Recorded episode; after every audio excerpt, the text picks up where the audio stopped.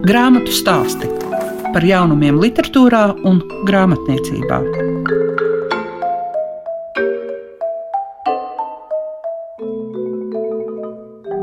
Ir grāmatu stāstu laiks, un šīs dienas raidījumā, ko veidojas Liega Piešiņa, jūs dzirdēsiet Dženu Andersoni. Ir iznākusi viņas debijas grāmata, tie ir stāsti, daži, un par to, cik simboliska vai burtiska ir nozīme dažiem grāmatas varoņiem, par to arī uzzināsiet raidījumā.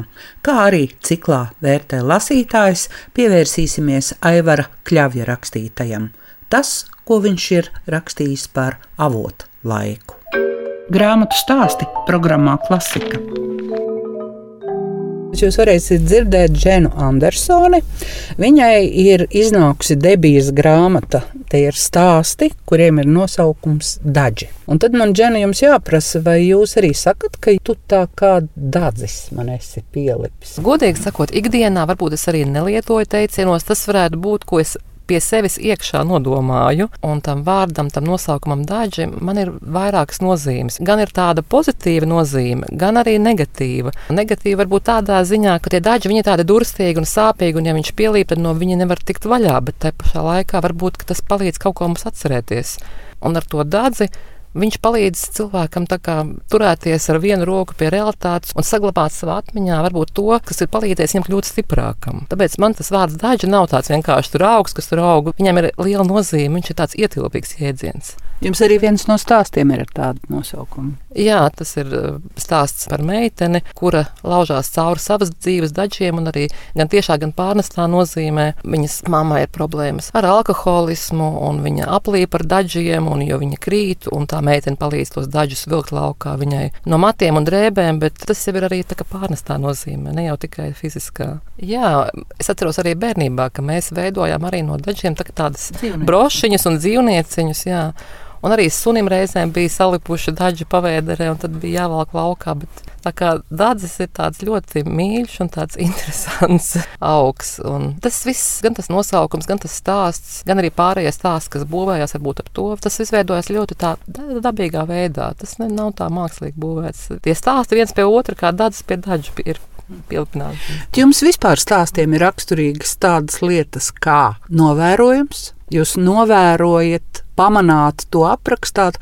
Un es īstenībā visu laiku gaidīju arī ļoti garajiem stāstiem beigas, jo tad jūs devāt savu atrisinājumu. Jūs radāt savos stāstos jau tādu kā simbolu. Jā, es arī cenšos tā, lai paliktu vieta lasītājam, kur padomāt. Jo varbūt katrs lasītājs atradīs savu to izskaidrojumu, to savu simbolu. Jo man ir bijis arī interesanti tā klausīties, kā cilvēks ir lasījis vairāk, un tad katrs kaut ko saskatīs, lai stāstās savu un savu. Jā. jā, un reizēm varbūt arī par to, ko es neesmu uzreiz pat padomājis, jā, pēc tam saprot, jā, pareizi, tur taču tas darbojās un tas un tas. Katrs varēs atrast varbūt kaut ko savu. Jums ir tāda lieta, ka jūs rakstat vai nu ļoti īsu stāstu, vai ļoti garu stāstu. Kāpēc var piecās, sešās lapusēs un kāpēc simt un pāri lapusēs var aprakstīt notikumus. Kad man galvā atnāk šis stāsts, man visvairāk interesē paskatīties uz to konkrēto notikumu vai konkrēto cilvēku uz kaut kādu konkrētu momentu viņa tajā dzīvē. Vai tās ir dažas stundas, kas notiek, vai tās ir dažas dienas, bet tas parasti nav tāds milzīgs laika posms.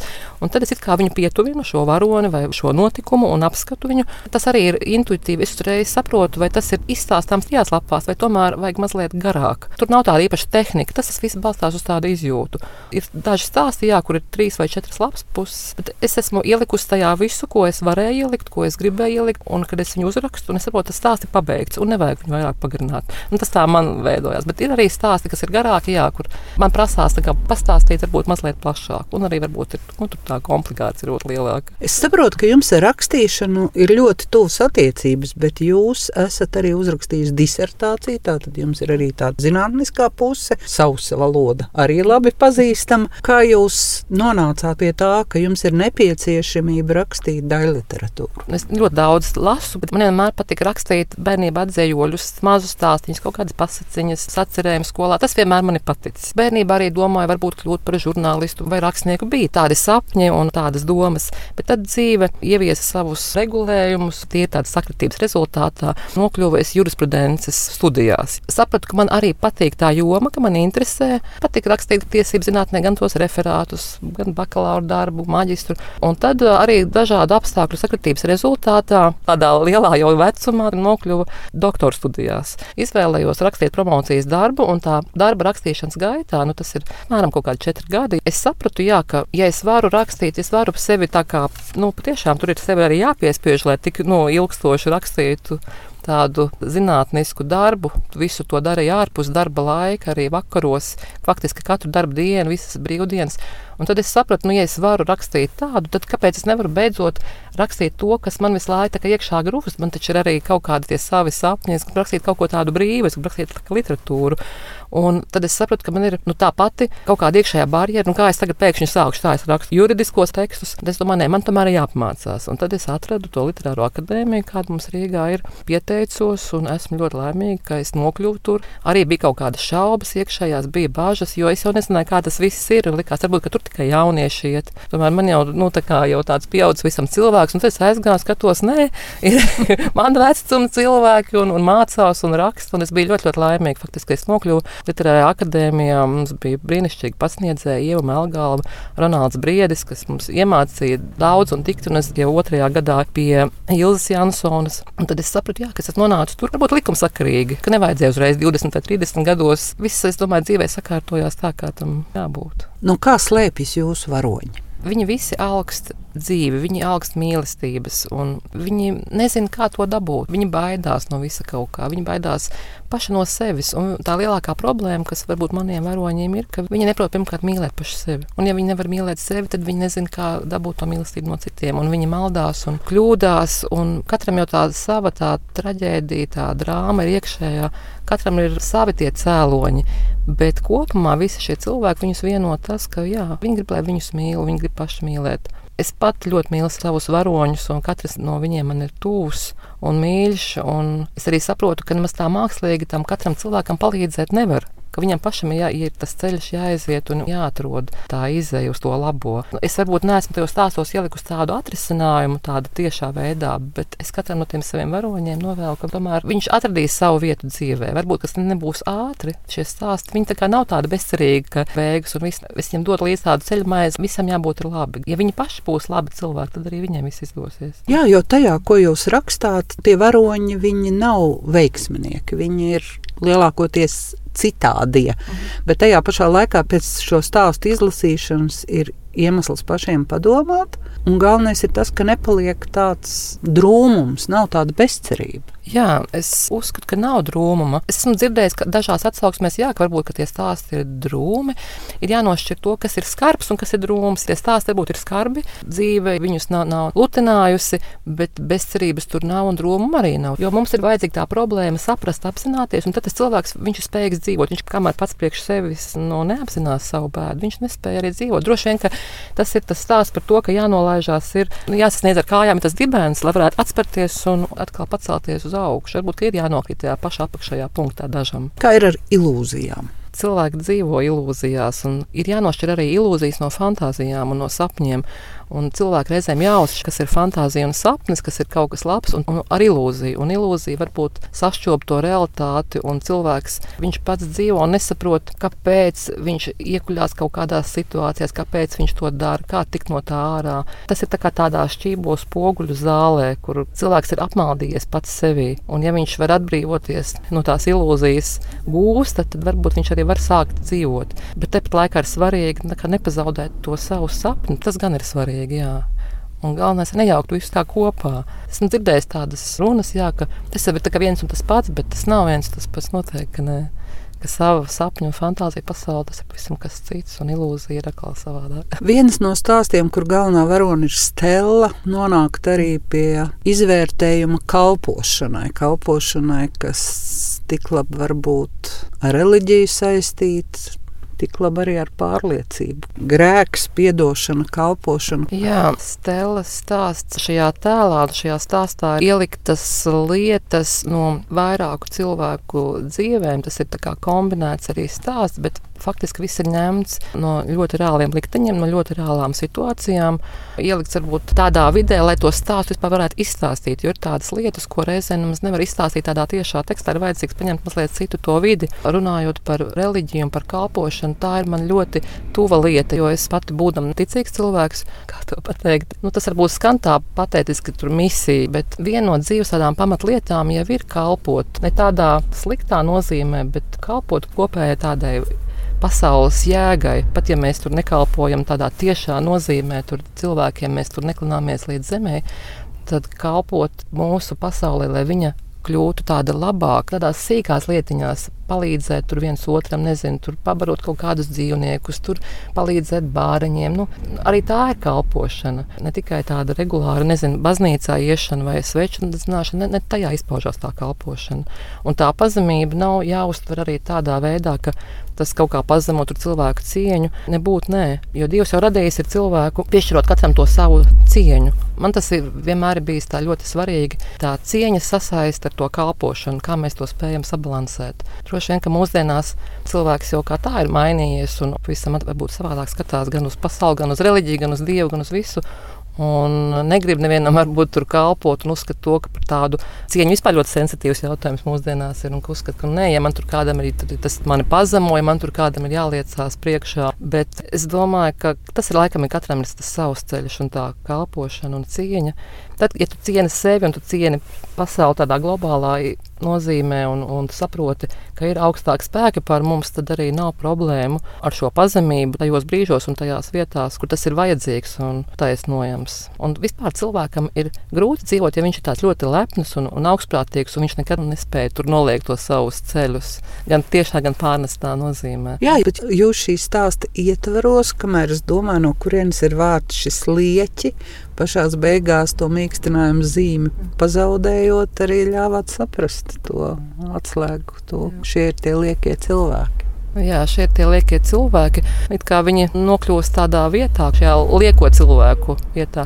Nu, es redzu, to jau mēs arī apzināmies. Daudz cilvēku apzinās, ka mums apkārt riņķī un starp mums dzīvo daudz cilvēki. Viņi it kā ir neredzami cilvēki, lieki cilvēki, lai cik briesmīgi tas neskanētu. Jo, teiksim, cilvēki dzīvo un viņiem varbūt ir apgrūtinoši redzēt dažādus neiederīgus cilvēkus, jo ir tieksme, nezinu, kategorizēts, ieklasificēts, tad tie ir tie, tie ir tie, tie ir šitie un šitie vispār labāk. Tur tur aizskar ciet un viņus neredzētu. Un tas ir briesmīgi, ka ir cilvēki, kuri netiešā veidā, bet viņi tiek padarīti par liekiem.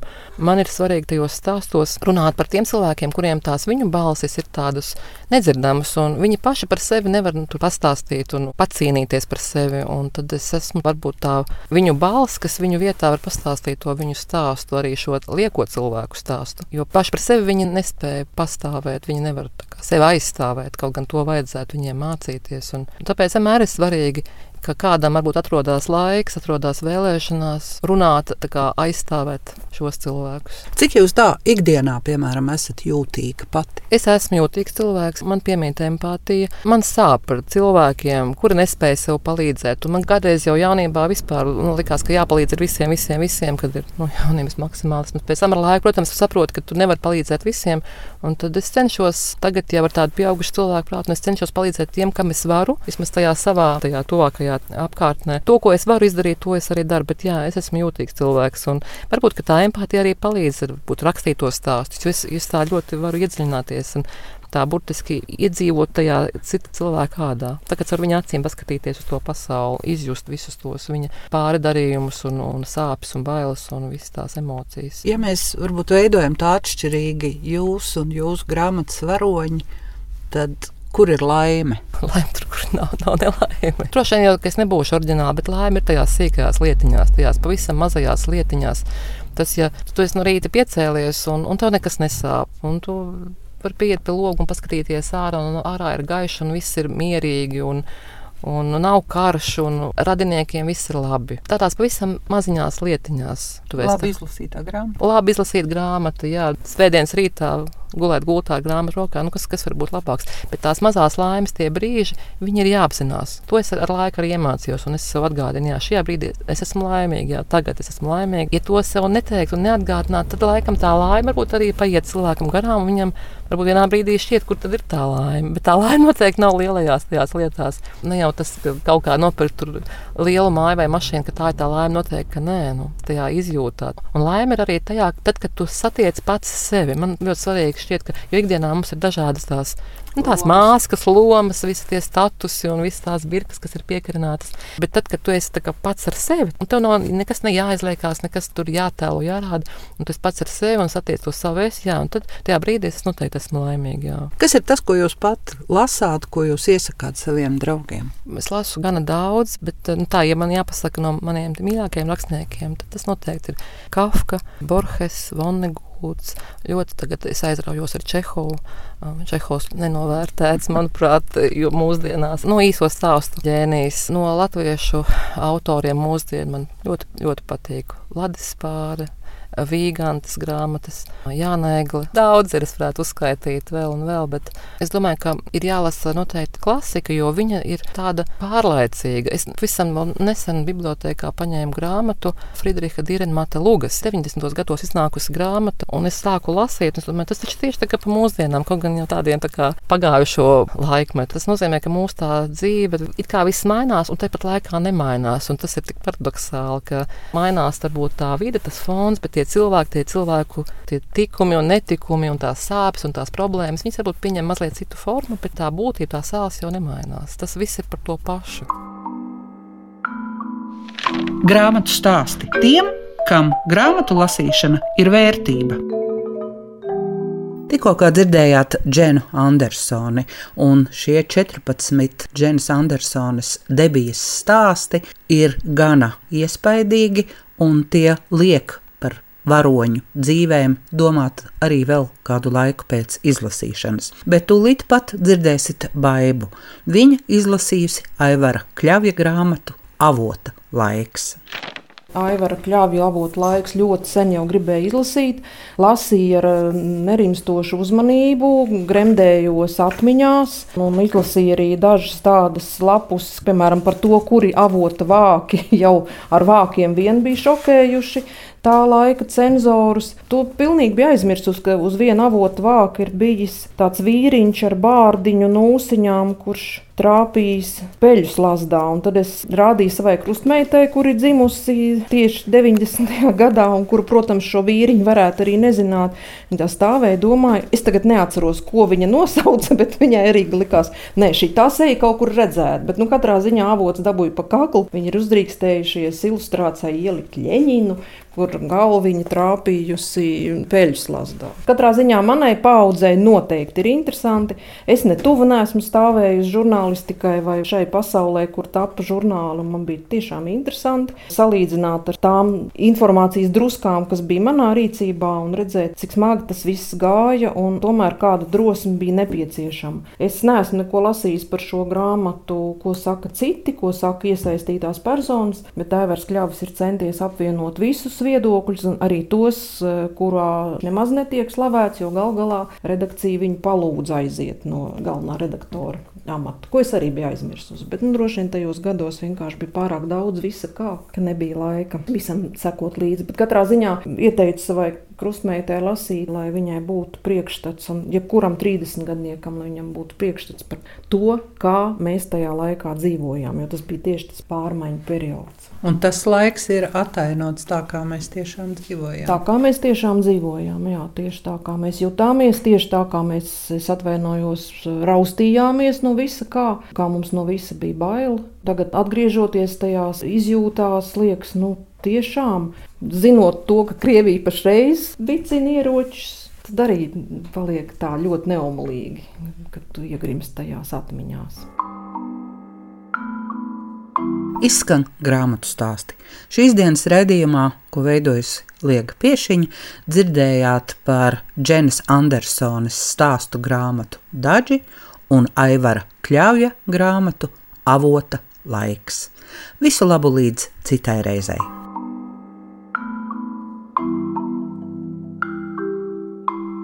Grāmatu stāsti par jaunumiem literatūrā un grāmatniecībā ik trešdienu, 9.5.